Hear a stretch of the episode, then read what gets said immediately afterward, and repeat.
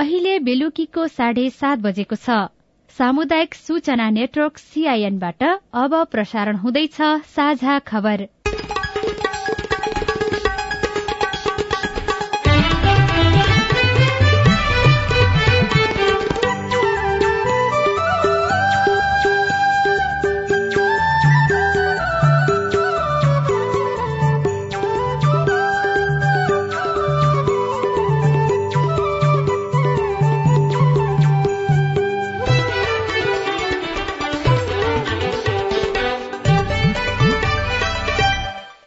सीआईएनको साझा खबरबाट सोभिता रिसालको नमस्कार। साझा खबर देशभरिका सामुदायिक रेडियो सीआईएन खबर डट कम र मोबाइल एप सीआईएनमा पनि सुन्न सकिन्छ।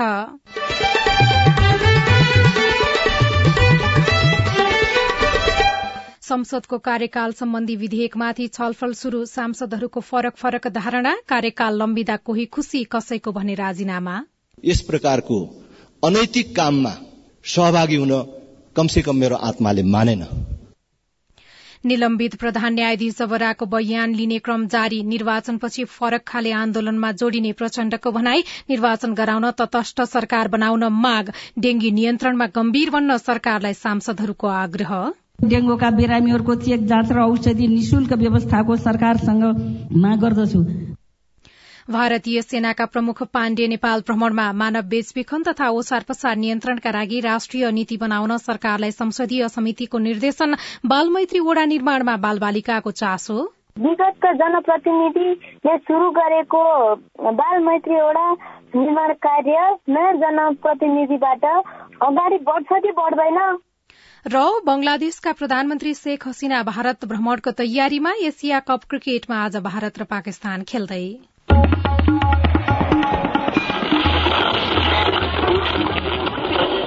सयौं रेडियो। हजारौं रेडियो कर्मी र करोड़ौं नेपालीको माझमा यो हो सामुदायिक सूचना नेटवर्क सीआईएन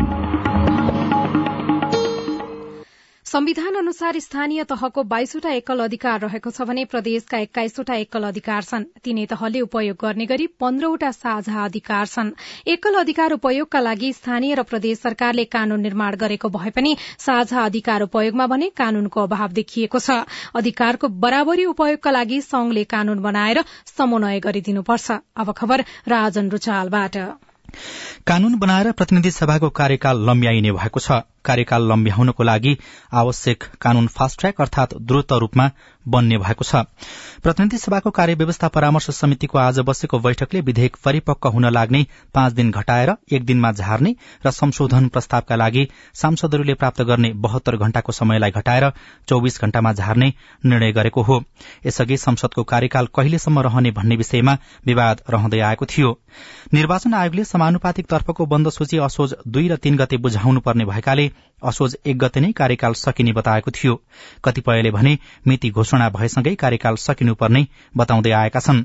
न्याय कानून तथा संसदीय मामिला मन्त्री गोविन्द प्रसाद शर्माले भइरहेको दुविधा हटाउन र अराजकता रोक्नको लागि संसदको कार्यकाल नवनिर्वाचित संसदको पहिलो बैठकसम्म रहने व्यवस्था गर्न लागि बताउनु भएको छ।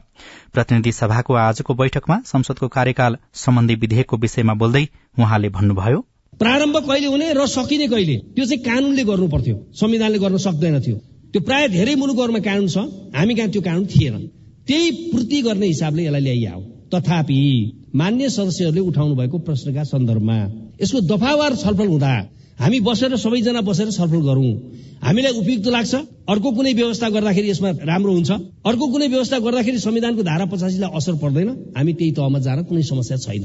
किन कुनै पर्टिकुलर इन्डिभिजुअल वा कुनै पर्टिकुलर पोलिटिकल पार्टीलाई टार्गेट गरेर आएको ल यो होइन।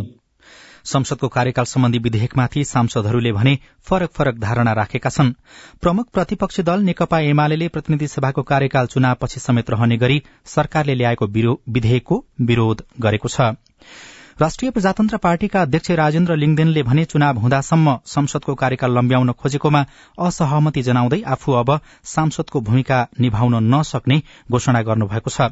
आज संसद बैठकमा सम्बोधन गर्दै उहाँले प्रतिनिधि सभाको कार्यकाल चार मंगिरपछि पनि लम्ब्याउने तयारी गरिएकोमा असन्तुष्टि जनाउँदै सांसद पदबाट अलगिएको घोषणा गर्नुभयो। म आजबाट सांसदको रूपमा यहाँ उपस्थित हुने छैन मात्र होइन सम्माननीय सभामुख महोदयलाई म आग्रह गर्न चाहन्छु सचिवालयलाई आग्रह गर्न चाहन्छु मेरो नाममा पठाइने तलब भत्ता सुविधा समेत रोक्का गरियोस् र कहीँ लेखेर दिनुपर्छ भने म त्यो नियम अनुसार लेखेर पनि दिन तयार छु। कि यस प्रकारको अनैतिक काममा सहभागी हुन कमसे कम मेरो आत्माले मानेन। मंगिर चार गते हुने चुनावका लागि दलहरूले तयारी तीव्र रूपमा अगाडि बढ़ाएका छन्। शीर्ष नेताहरू निर्वाचनको माहौल बनाउन देशभर पुगिरहेका छन्। सबै दलले आफ्नै पार्टीले जित्ने दावी पनि गरिरहेका छन्। नेपाल मजदूर किसान पार्टीका सांसद प्रेम सुवालले भने निर्वाचनमा भाग नलिनेहरूको तटस्थ सरकार बनाएर चुनाव सम्पन्न गर्नुपर्ने माग गर्नुभएको छ। आजको प्रतिनिधि सभा बैठकमा समय माग गरी सांसद सुवालले हालसम्मका सरकारहरूले चुनाव निष्पक्ष रूपमा गराउन नसकेको भन्दै तटस्थ सरकारको माग गर्नुभयो। निर्वाचन घोषणासँगै चुनावमा भाग नलिने तटस्थ सरकारै आवश्यक छ। अहिलेसम्म सरकारहरूबाट निष्पक्ष चुनाव भएको अभिलेखै छैन। त्यसकारण यो तटस्थ सरकार बनाउनु पर्छ निर्वाचनमा भाग नलिनेहरूको र निर्वाचनको मिति घोषणा भइसकेपछि संसद बैठक सञ्चालन गर्नु निर्वाचन आचार संहिताको उल्लंघन हो। निलम्बित प्रधान न्यायाधीश चोलेन्द्र शमशेर जबराको बयान लिने क्रम लम्बिरहेको छ। महाभियोग सिफारिश समितिको बैठकमा आज तेस्रो पटक जबराको बयान लिइएको छ। तर बयान लिने क्रम लामो भइरहेको छ। जबराको बयान लिने क्रम जारी नै रहने समितिका सदस्य यशोदा गुरूङ सुवेदीले सीआईएनलाई जानकारी दिनुभयो। प्रश्न प्रति प्रश्न प्रति प्रश्नको पनि फेरि प्रति प्रश्न गर्दै गर्दाखेरि चाहिँ समय चाहिँ लम्बे टान हुनुभयो। निर्धारण गरिएका प्रश्नहरूमा चाहिँ उहाँको बयान चाहिँ सरसर्ती लिने बयान सकिसकेपछि उहाँले हस्ताक्षर गरेको लिखित कपी जो हुन्छ त्यो कपी चाहिँ अब हामीले एकचोटि अध्ययन गर्ने र अनि त्यसबाट प्रश्नहरू चाहिँ थप मान्यजीहरूका जिज्ञासाहरू अस्पष्ट भएका विषयहरू सबै समेटेर चाहिँ प्रश्न बनाएर फेरि छलफल गर्ने भन्ने लागेर चाहिँ हामीले त्यो बनाएको थियौँ। त्यही बमोजिम आज उहाँले सात आठ नौ दस एघार नम्बरसम्मका प्रश्नहरूमा चाहिँ उहाँको स्पष्टीकरण भनौँ या बयान भनौँ त्यो चाहिँ राख्नुभयो। जबराले सशस्त्र प्रहरी बलका पूर्व डीआईजी रञ्जन कोइरालाको मुद्दामा आफूले कैद घटाउने फैसलामा महाभियोग लागे आपत्ति पनि नजनाउने र ग्लानी महसुस नगर्ने बताउनुभयो। उहाँले आफूले कानूनले दिएको विवेक प्रयोग गर्ने अधिकार प्रयोग गरेर कोइरालाका छोराहरूलाई अभिभावक चाहिन्छ भन्ठानेर उक्त निर्णय गरेको भन्दै पछुतो नमान्ने बताउनु भएको हो। नेकपा माओवादी केन्द्रका अध्यक्ष पुष्पकमल दाहाल प्रचण्डले आगामी प्रदेश सभा र प्रतिनिधि सभा निर्वाचन लगतै आफू सड़क संघर्षमा जाने बताउनु भएको छ। निर्वाचन प्रणाली र शासकीय प्रणाली बदल्दै मुलुकलाई रूपान्तरण गर्न आफू निर्वाचनपछि लगतै सड़क संघर्षमा जाने उहाँले बताउनुभयो। आज काठमाण्डुमा आयोजित कार्यक्रममा उहाँले संघीयता गणतन्त्र र धर्मनिरपेक्षतामाथि प्रहार भएकाले आफू सबैभन्दा बढ़ी चिन्तामा परेको र त्यसको निकासका लागि निर्वाचन लगत्तै आफू र आफ्नो नेतृत्वमा सड़क आन्दोलनमा जाने योजना आफूले पार्टीभित्र तय गरिसकेको बताउनुभयो। देशभर फैलिएको डेंगी भाइरसको संक्रमण रोकथामबारे संसदमा विषय उठेको छ। प्रतिनिधि सभाको आज बसेको बैठकमा सदस्य बीना कुमारी श्रेष्ठले पछिल्लो समय देशभर डेंगी फैलिएको भन्दै नियन्त्रणको लागि सरकारले तत्काल पहल गर्नुपर्ने माग गर्नुभयो। शून्य समयमा बोल्ने अधिकांश सांसदहरूले डेंगी रोग नियन्त्रण गर्न सरकारले चासो देखाउनुपर्ने भन्दै सरकारको ध्यानकर्षण गराएका थिए। डेङ्गुका बिरामीले विभिन्न हस्पिटलहरू भरिभराउ छन् सरकारले भने थाहा नपाए जस्तो गरेको छ। डेङ्गुका बिरामीहरूको चेक जाँच र औषधि निशुल्क व्यवस्थाको सरकारसँग माग गर्दछु। हरेक घरमा डेङ्गुका बिरामी भेटिन थालेका छन्। यसको नियन्त्रणमा सरकारले के गरिरहेको छ यथाशीघ्र महँगी र डेङ्गु नियन्त्रणमा सरकारको ध्यान आकर्षण गराउन चाहन्छु। प्रतिनिधि सभा अन्तर्गतको महिला तथा सामाजिक समितिले मानव बेचबिखन तथा ओसार पसार नियन्त्रणका लागि राष्ट्रिय नीति बनाउन सरकारलाई निर्देशन दिएको छ। सिंहदरबारमा आज बसेको समितिको बैठकले मानव बेचबिखन तथा बाध्यकारी श्रमको जोखिमपूर्ण अवस्थाबाट नागरिकको संरक्षण गर्नु राज्यको दायित्वको दृष्टिकोणबाट हेरिनु आवश्यक रहेको भन्दै यस सम्बन्धी राष्ट्रिय नीति बनाउन महिला बालबालिका तथा ज्येष्ठ नागरिक मन्त्रालयलाई निर्देशन दिएको हो। यस्तै बैठकले श्रम बजारमा उपलब्ध हुने जनशक्तिलाई देशभित्रै रोजगार दिने वातावरण बनाउन सो सम्बन्धमा स्पष्ट अल्पकालीन तथा दीर्घकालीन कार्यनीति बनाई यथाशीघ्र कार्यान्वयनमा ल्याउन पनि सरकारलाई निर्देशन दिएको छ। भारतीय सेनाका प्रमुख जनरल मनोज पाण्डे पाँच सदस्यीय भ्रमण दलसँगै नेपाल आउनु भएको छ। नेपाली सेनाका प्रधान सेनापति प्रभुराम शर्माको निमन्त्रणामा उहाँ पाँच दिने औपचारिक भ्रमणका लागि काठमाण्डु आउनु भएको हो। विशेष विमान मार्फत अपरान्ह त्रिभुवन अन्तर्राष्ट्रिय विमानस्थलमा अवतरण गर्नुभएका पाण्डेले भोलिदेखि औपचारिक भेटघाट तथा कार्यक्रमहरू शुरू गर्ने नेपाली सेनाका सूचना अधिकारी सहायक रथी नारायण सिलवालले जानकारी दिनुभयो। अब विदेशको खबर बंगलादेशका प्रधानमन्त्री शेख हसिनाले भारतको चार दिने भ्रमण गर्नुहुने भएको छ। द्विपक्षीय सम्बन्ध प्रगाढ़ बनाउन यो भ्रमण हुन लागेको भारतीय संचार माध्यमले जनाएका छन्।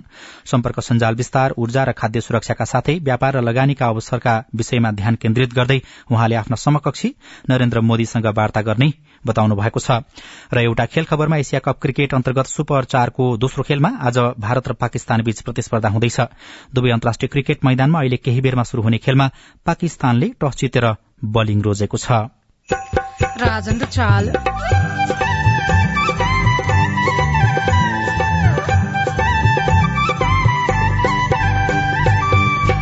पहिरोको कारण हेलम्बु गाउँपालिका पाँच सिन्धुपाल्चोकको एक्काइस घर उच्च जोखिममा। गएको पहिरोले चाहिँ तल मेलम्ची र हाम्रो हेलम्बुको सिमानामा पर्छ त्यो चाहिँ। अनि त्यो तलपट्टि त्यो सबै खेतहरू त्यहाँ अलिकति खोला थुनिन्छ कि भन्ने उहाँहरूको त्यहाँको स्थानीय जनताको ठम्याइ छ। बस्ती स्थानान्तरण गर्न स्थानीयको माग रिपोर्ट। कोरोना विरूद्धको खोपबारे बालबालिका र अभिभावकको प्रश्नमा विकिएको जवाब। विशेष श्रृंखला हाम्रो पालो बाँकी नै छ। सीआईएनको साझा खबर सुन्दै गर्नुहोला। मम्मी खाजा? मम्मी मेरो होमवर्क गर्ने कापी। बुहारी एकदम खुट्टा दुख्यो। बुहारी चिया खान मन लागेको थियो। बुढी कपडा मैलो भएछ। अरे मेरो परिवार। भर्खरै सुनेको संवाद तपाईँलाई कस्तो लाग्यो? यही संवादलाई फेरि एकपटक यसरी सुनौ न है। मम्मी खाजा आज म बनाउँछु। मिठो बनाउँछु है। मम्मी मेरो होमवर्क गर्ने कापी मैले खोजिसके। अब म होमवर्क गर्छु। बुहारी एकदम खुट्टा दुख्यो। छोराले तेल तताएर लगाइदिएपछि अलि आराम भयो। बुहारी चिया खान मन लागेको थियो। सबैको लागि बनाएको छु। आऊ सबैजना खान। बुढी कपडा मैलो भएछ। घर नि कस्तो फोहोर। कपडा धोएर भ्याए। अब घर सफा गर्छु। कोरोनाको महामारीबाट बस्न पनि त सरसफाई जरुरी छ नि। आहा मेरो परिवार। तपाईँलाई दोस्रो संवाद कस्तो लाग्यो? पक्कै राम्रो लाग्यो। हो तपाईँ हामी बीच जिम्मेवारी बोध भयो भने एक अर्का बीचको निकटतालाई अझ राम्रो बनाउन सकिन्छ। बाढी चोडी जिम्मेवारी परिवारमा समझदारी। महिला बालबालिका तथा ज्येष्ठ नागरिक मन्त्रालय युएन वुमन ल्याक र अकुराबको सहकार्य।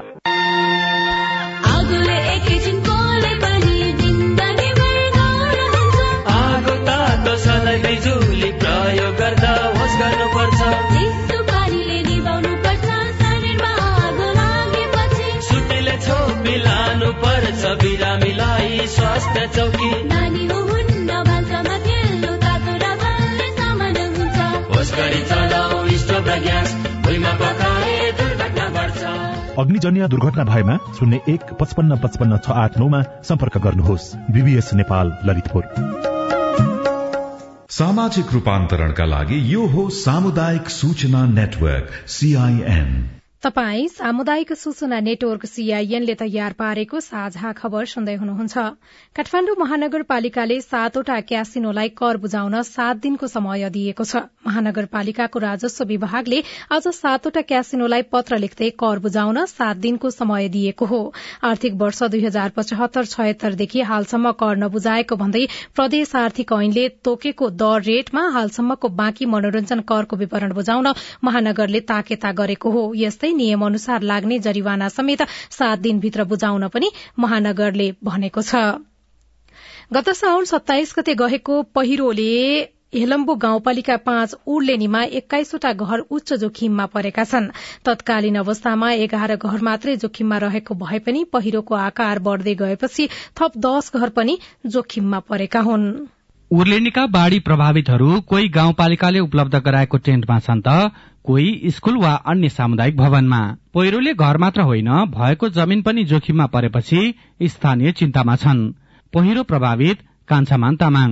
सबै पहिरोले सबै जामिसकेका छ त्यहाँ चाहिँ भरिसकेका छ खोला। खोला अब एकैचोटि बाढी जस्तो आयो भने चाहिँ अब त्यसले चाहिँ सबै ठाउँ जोखिम बनाइदिन्छ होला सर। तारामारङ बचार अब यताउताको साइड साइडको केटाहरूलाई पनि जोखिम बनाउँछ होला। पहिरो गए लगतै स्थानीय तहका जनप्रतिनिधिहरूले निरीक्षणको लागि पुगे र स्थानान्तरणमा सहयोग गर्ने वचन पनि दिए। बस्ती नै स्थानान्तरण गर्नुपर्ने सो भेगमा ओडा र पालिकाबाट हुने काम आफूहरूले गर्ने ओडा अध्यक्ष दिप कुमार तामाङ बताउनुहुन्छ। उर्लेनी गाउँ नै जोखिममा छ कि? हामीले चाहिँ अब तपाईँको एक्काइस गति त्यो ठाउँमा गएर चाहिँ अब बस्न नमिल्ने घरहरूलाई चाहिँ टेन्ट लगेर टेन्ट टाङ्दिएको छु रासनहरू पनि पुऱ्याइदिएको छु हाम्रो वडा र गाउँपालिकाको समन्वय गरेर। विद्युतहरू पनि अवरुद्ध थियो विद्युत पनि अवरुद्ध भएको ठाउँमा चाहिँ गाउँपालिकालाई मैले जानकारी गरेर गाउँपालिका अध्यक्षज्यूको हाम्रो वडाको सहयोगमा भनौँ न हाम्रो सबैको सहयोगमा त्यहाँको स्थानीय साथसँग सँगै अनि त्यहाँ चाहिँ हामी गएर दसवटा पोल ल्याएर अनि बत्तीहरू पनि बालेको छु अहिले। बस्नलाई चाहिँ उहाँहरूलाई हामीले टेन्ट टाङ्दिएको छु। गएको पहिरोले चाहिँ तल मेलम्ची र हाम्रो हेलम्बुको सिमानामा पर्छ त्यो चाहिँ। यता पहिरो गएको भित्ता चाहिँ हाम्रो हेलम्बु पर्छ। अनि त्यो तलपट्टि त्यो सबै खेतहरू सेन्टरमा पर्ने भएर अब त्यहाँ अलिकति खोला थुनिन्छ कि भन्ने उहाँहरूको त्यहाँको स्थानीय जनताको ठम्याइ छ। त्यसलाई चाहिँ कसरी अब न्यूनीकरण गर्न सकिन्छ भन्ने त्यहाँको अब स्थानीयहरूले फोन आएको छ मलाई। म अब गाउँपालिका अध्यक्षज्यू र अनि हाम्रो मेलम्जी नगरको प्रमुखज्यूसँग पनि कुरा गर्दैछु। गाउँपालिका अध्यक्ष निमा ग्याल्जेन शेर्पाका अनुसार पहिरोको उच्च जोखिममा रहेको स्थानको पहिचान गरी आगामी दिनमा स्थानान्तरणको लागि विज्ञ सहितको टोलीलाई अध्ययन गर्न लगाउने तयारी भइरहेको छ। तत्कालको लागि भने स्थायी आवासको प्रबन्ध मिलाउने उहाँको भनाइ छ। अस्ति चर्किरहेको त्यो पहिरो सबै गएको हो र अब त्यहाँ चाहिँ राख्न हुँदैन त्यसलाई चाहिँ हामीले अब जोखिमको उसमा हालेर अर्को ठाउँमा बस्ती साट्ने उसमै लाग्नुपर्छ त्यो ठाउँ चाहिँ। उर्लिनीको बिसौनीबाट साप्रेसम्म करिब पाँच सय मिटर लामो पहिरो खस्दा हाललाई एक्काइस घर मात्र जोखिममा रहे पनि पहिरो बढ्दै गए सिंगै गाउँ नै जोखिममा पर्ने स्थानीय बताउँछन्। सरकारले तत्काल बस्ती स्थानान्तरणमा ध्यान दिनुपर्ने पहिरो प्रभावितको माग छ। Devraj Subedi CIN radio Melamchi Sindhupalchok. सरकारले मालपोत ऐन दुई हजार चौतिसलाई संशोधन गरेर घर जग्गा सम्बन्धी कारोबार गर्ने इजाजत लिनुपर्ने व्यवस्था गरेको छ। कानून न्याय तथा संसदीय मामिला मन्त्रालयले आज प्रतिनिधि सभामा पेश गरेको केही नेपाल ऐनलाई संशोधन गर्न बनेको विधेयक मार्फत मालपोत ऐन दुई हजार चौतिसलाई संशोधन गरेर यस्तो व्यवस्था गर्न लागि हो। मालपोत ऐनको दफा छब्बीस कमा सरकारले राजपत्रमा सूचना प्रकाशन गरी तोकेको क्षेत्रमा त्यसै सूचनामा उल्लेख भएको क्षेत्रफल वा सीमा भन्दा बढ़ीको घर जग्गा सम्बन्धी कारोबार गर्दा ऐन बमोजिम इजाजत लिनुपर्नेछ। त्यसका लागि घर जग्गा सम्बन्धी कारोबार गर्न इजाजत पत्र लिन चाहने व्यक्तिले तोकिए बमोजिमका विवरण तथा कागजात र दस्तुर सहित सरकारले नेपाल राजपत्रमा सूचना प्रकाशन गरी तोकेको अधिकारी समक्ष निवेदन दिनुपर्नेछ। उक्त अधिकारी तोक्दा सरकारले नेपाल सरकार वा प्रदेश सरकारको कुनै अधिकारीलाई तोक्न सक्ने बताइएको छ। प्राप्त निवेदन जाँचबुझ गर्दा बेहोरा ठिक देखिएमा सम्बन्धित अधिकारीले आवश्यक शर्त तोकी निवेदनलाई गहर जग्गा सम्बन्धी कारोबार गर्न इजाजत दिनुपर्नेछ।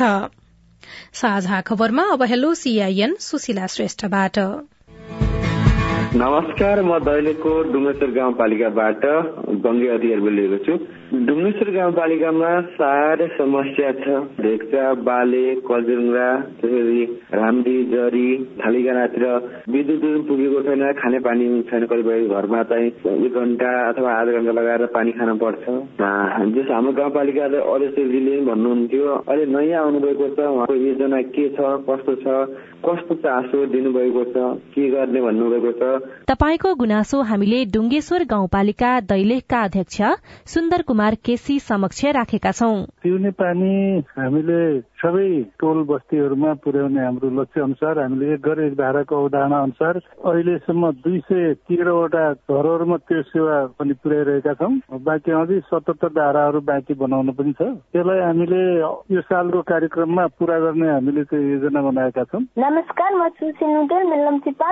सिन्धुपाल्चोकबाट विगतका जनप्रतिनिधिले सुरु गरेको बाल मैत्री एउटा निर्माण कार्य नयाँ जनप्रतिनिधिबाट अगाडि बढ्छ कि बढ्दैन यो कहिलेसम्म हुन्छ भन्ने मेरो प्रश्न छ। तपाईँको प्रश्न हामीले मेलम्ची नगरपालिका सिन्धुपाल्चोकका नगर प्रमुख आइतमान तामाङलाई सोधेका छौँ। बाल मैत्री घोषणा गर्ने भनेर हामीले निर्णय गरिसकेका छौँ होइन? यसमा सिन्धुकोट मेलम्ची नगरपालिका पाँच नम्बर त्यसपछि सात र आठ तीनवटा वडामा चाहिँ यो वर्ष बाल मैत्री वडा घोषणा गर्ने भनेर हामीले सबै तयारीको साथ अघि बढिसकेका छ त्यसमा चाहिँ सहज गर्दादेखि लिएर सबैले खडाइसकेको अवस्था छ। त्यसपछि निरन्तर रूपमा चाहिँ पाँच वर्षभित्रमा चाहिँ तेह्रैवटा वडामा चाहिँ हामीले बाल मैत्री वडा घोषणा गर्ने भनेर चाहिँ मेलम्ची नगरपालिकाले निर्णय समेत गरिसकेको छ। गुल्मीका एकजना नागरिकको जिज्ञासा छ। मैले नागरिकता पाउनको निम्ति नामको पछाडि विश्वकर्मा थर राखी गाविसले सिफारिस गरिदियो तर नागरिकता पाउँदा मलाई चाहिँ कर्मचारीले कामी बनाएर दियो। यो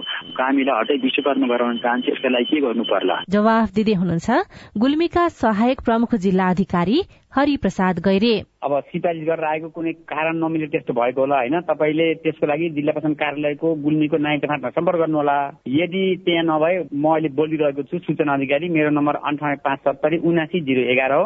तपाईँले जिल्ला प्रशासन कार्यालय गुल्मीको आठ नम्बर कोठामा आएर मलाई भेट्नुहोला। म सजीकरण गर्छु। के भएको छ? डकुमेन्ट नहेरिकन यत्तिकै उहाँले भनेको बारेमा ठ्याक्कै सबै भन्न सकिन्न तर अध्ययन गरेर भन्न सकिन्छ। जिल्ला प्रशासन कार्यालय गुल्मीमा कृपया सम्पर्क राख्नुहोला। तपाईँ जुनसुकै बेला हाम्रो टेलिफोन नम्बर शून्य एक बान्न साठी छ चार छमा फोन गरेर आफ्नो प्रश्न विचार गुनासो तथा प्रतिक्रिया रेकर्ड गर्न सक्नुहुन्छ।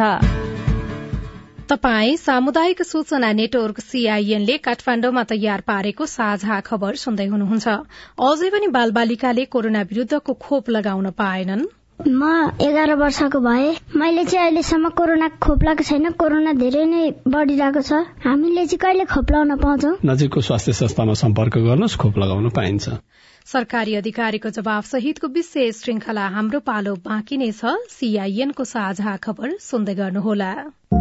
बालबालिकालाई लगाउँदै गरेको खोपमा चाहिँ बालबालिकाहरू कहाँ गएर लगाउनु पर्ने र खोप लगाउन जाँदा के के लिएर जानु पर्ने त्यसबारे बताइदिनुहोस् न। मेरो जिज्ञासा के छ भनेपछि हामी विद्यार्थीहरू एकदमै जोखिममा छौँ तर पनि हामीहरूले समयमा खोप उपलब्ध हुन सकेको छैन। कोभिड बारे तपाईँको चासो? अब हाम्रो पालोमा कोभिडसँग जोडिएका थुप्रै बालबालिका तथा युवाहरूका प्रश्न र सरकारवालाको जवाब सहित हरेक आइतबार साँझको साझा खबरमा प्रस्तुत भइरहेको छ हाम्रो पालो। कोभिड पछि घरको बसाई बाल तथा युवा मस्तिष्कमा पर्ने प्रभाव यसले मनोविज्ञानमा पारेको असर कोभिडमा मानव सुरक्षा र कोभिड विरूद्धको खोप लगायत तपाईँलाई लागेको विषयमा हाम्रो आइभीआर नम्बर शून्य एक बान्न साठी छ चार छमा प्रश्न गुनासो तथा प्रतिक्रिया रेकर्ड गराउनुहोला। सरोकारवाला निकायको जवाब सहितको हाम्रो पालो देशभरिका सामुदायिक रेडियोमा प्रसारण भइरहेको छ। नेपाल टेलिकमको सूचनाको संसार। होइन के सुनेको यस्तो ध्यान दिएर दोहोरो बोलेको जस्तो नै देख्दिन। तिन दुई एक शून्य शून्य क्या? तिन दुई एक शून्य शून्य? के हो त्यो भने? बुझिन त। ल सुन एनटिसी प्रयोगकर्ताहरूले आफ्नो मोबाइल तथा ल्यान्डलाइनमा तीन दुई एक शून्य शून्य डायल गरी समाचार रेडियो कार्यक्रम खेल र अन्य विषय बारे सन्देशहरू जुनसुकै बेला निशुल्क सुन्न सक्छन्। ओहो निशुल्क? कस्तो सजिलो। समाचार सुन्न छुट्यो भनेर पिर लागेको थियो। अब त म पनि सुनिहाल्छु। कति रे? तीन दुई एक शून्य शून्य। सामाजिक रूपान्तरणका लागि यो हो सामुदायिक सूचना नेटवर्क सीआईएन तपाई सामुदायिक सूचना नेटवर्क सीआईएनले काठमाण्डुमा तयार पारेको साझा खबर सुन्दै हुनुहुन्छ। साझा खबरमा अब प्रस्तुत छ कोरोना विरूद्धको खोप बारे बालबालिकाको प्रश्नमा विज्ञको जवाब सहितको विशेष श्रृंखला हाम्रो पालो।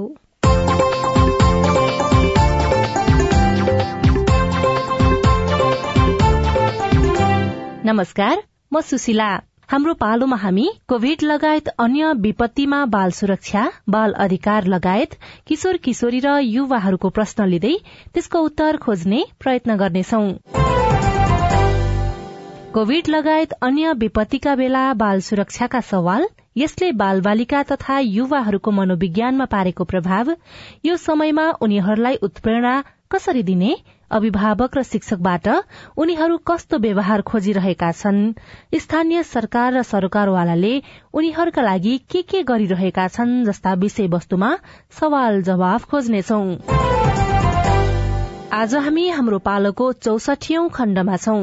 स्वास्थ्य सेवा विभागका अनुसार हालसम्म नेपालमा छ करोड़ सत्र लाख कोरोना विरूद्धको खोप भित्रिएको छ जसमा हालसम्म पाँच करोड़ एघार लाख खोप प्रयोग भइसकेको छ। विभागका अनुसार बाह्रदेखि सत्र वर्षसम्मका बाल बालिकाहरू मध्ये तिरासी प्रतिशत बाल बालिकाले पूर्ण मात्रा खोप लगाएका छन्। कार्यक्रममा आज हामी यही खोपबारे बाल बालिका र अभिभावकका जिज्ञासालाई समावेश गर्दैछौ जसको जवाफ दिँदै हुनुहुन्छ स्वास्थ्य सेवा विभागका खोप शाखा प्रमुख सागर दाहाल। नमस्कार मेरो नाम फिरोजराज छाले सिकलबाट बोल्दैछु मेरो जिज्ञासा के छ भन्दाखेरि नि मलाई पहिलोपटक खोप लाग्दाखेरि बाह्र वर्ष पुरा भएको थिएन र अहिले दोस्रो चरणको खोप आएर त्यो खोप लाग्दाखेरि मलाई बाह्र वर्ष पुरा भयो र यो खोप मलाई अब खोप मैले के गर्नुपर्छ मेरो जिज्ञासा यति नै हो तपाईँको प्रश्नको लागि धन्यवाद तपाईँले बाह्र वर्ष नपुगेको आधारमा खोप लिनु भएको रहन्छ र दोस्रो चरणको खोप चलेको बेलामा पनि तपाईँले खोप लिन सक्नुहुन्छ र डोटीमा चाहिँ तपाईँको हामीले खोप बुस्टर डोज पनि लाग्छ बाह्र वर्षदेखि सत्र वर्ष उमेरको लागि हामीले अहिले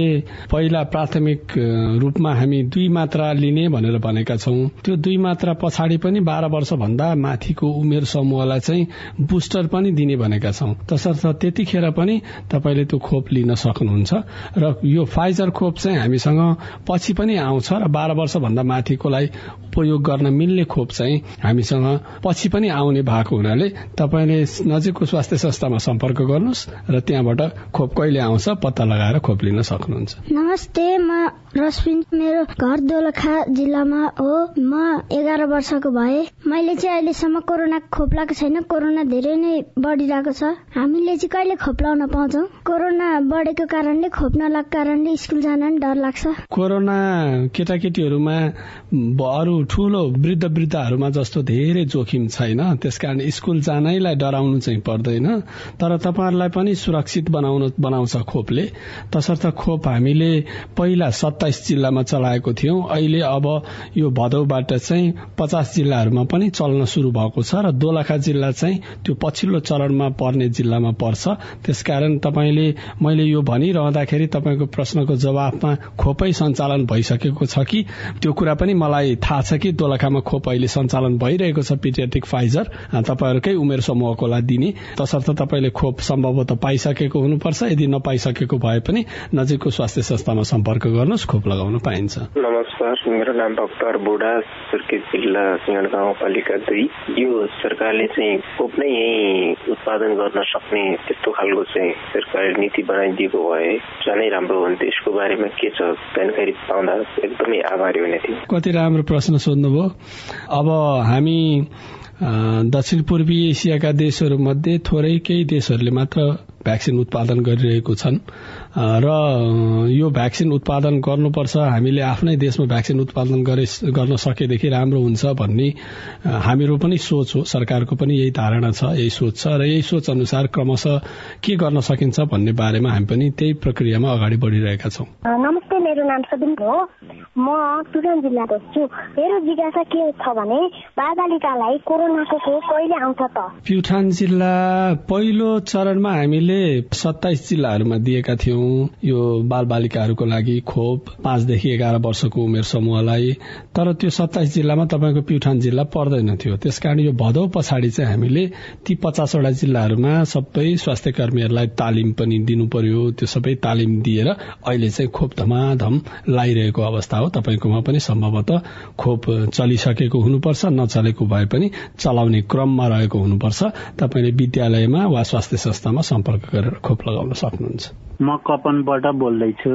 मेरो बच्चाको खोप कार्डमा खोप लगाएको लेखिएको छ तर बच्चाले खोप लगाएको छैन। अब उसले खोप लगाउन पाउँछ कि पाउँदैन होला? अब के हुन्छ होला? त्यो भुलवश त्रुटिवश केही भएको भए हुन सक्छ नत्र भने खोप नलगाइकन खोप कार्ड दिनुपर्ने आवश्यकता त हामी केही देख्दैनौ। त्यसकारण खोप लगाएको बाल बालिकाहरूलाई खोप कार्ड दिने हो। र यो कुनै ठाउँमा केही केही बाल बालिकाहरूमा त्यस्तो भुलवश केही भएको होला। त यदि खोप नलगाएको कुरो चाहिँ सुनिश्चित भयो भने त त्यो बाल बालिकाहरूलाई पुनः खोप दिनुपर्छ। तर त्यो सुनिश्चित गर्ने काम चाहिँ त्यहाँ काम गरेको शिक्षक शिक्षिकाहरू बाल बालिका स्वयं कुन उमेरको बाल बालिका हो ऊ। अनि अर्को चाहिँ कस्तो भने त्यो स्वास्थ्य कर्मीले पनि यो कुराको चाहिँ निरूपण गर्नुपर्छ। त्यसको आधारमा चाहिँ त्यो बाल बालिकालाई खोप दिन सकिन्छ। धन्यवाद। स्वास्थ्य सेवा विभागका खोप शाखा प्रमुख सागर दाहाललाई। तपाईका प्रश्न तथा जिज्ञासाको लागि तपाईँको आवाज रेकर्ड हुने आइभीआर नम्बर शून्य एक बान्न साठी छ चार छमा फोन गरेर प्रश्न तथा जिज्ञासा र विचार रेकर्ड गराउनुहोला। अर्को हप्ता प्रश्नको उत्तर खोजौला। साझा खबरमा हाम्रो पालो आजलाई यति। अब तपाईँको पालो। संसदको कार्यकाल सम्बन्धी विधेयकमाथि छलफल शुरू भएको छ। सांसदहरूको धारणा भने फरक फरक रहेको छ। कार्यकाल लम्बिदा कोही खुशी भएका छन् राप्रपाका अध्यक्ष राजेन्द्र लिङदेलले भने राजीनामा दिनुभएको छ। निलम्बित प्रधान न्यायाधीश चबराको बयान लिने क्रम चलिरहेको छ। निर्वाचनपछि फरक खाले आन्दोलनमा जोडिने माओवादी केन्द्रका अध्यक्ष पुष्पकमल दाहाल प्रचण्डले बताउनु भएको छ। निर्वाचन गराउन तटस्थ सरकार बनाउन माग पनि उठिरहेको छ। र बंगलादेशका प्रधानमन्त्री शेख हसिना भारत भ्रमणको तयारी तयारीमा हुनुहुन्छ। एसिया कप क्रिकेटमा आज भारत र पाकिस्तान बीच प्रतिस्पर्धा भइरहेको छ। आजलाई साझा खबरको समय सकियो। प्राविधिक साथी सुरेन्द्र सिंहलाई धन्यवाद। भोलि भदौ बीस गते बिहान छ बजेको साझा खबरमा फेरि भेटौँला। अहिलेलाई सोभितारी साल पनि विदा हुन्छु। नमस्कार शुभरात्री।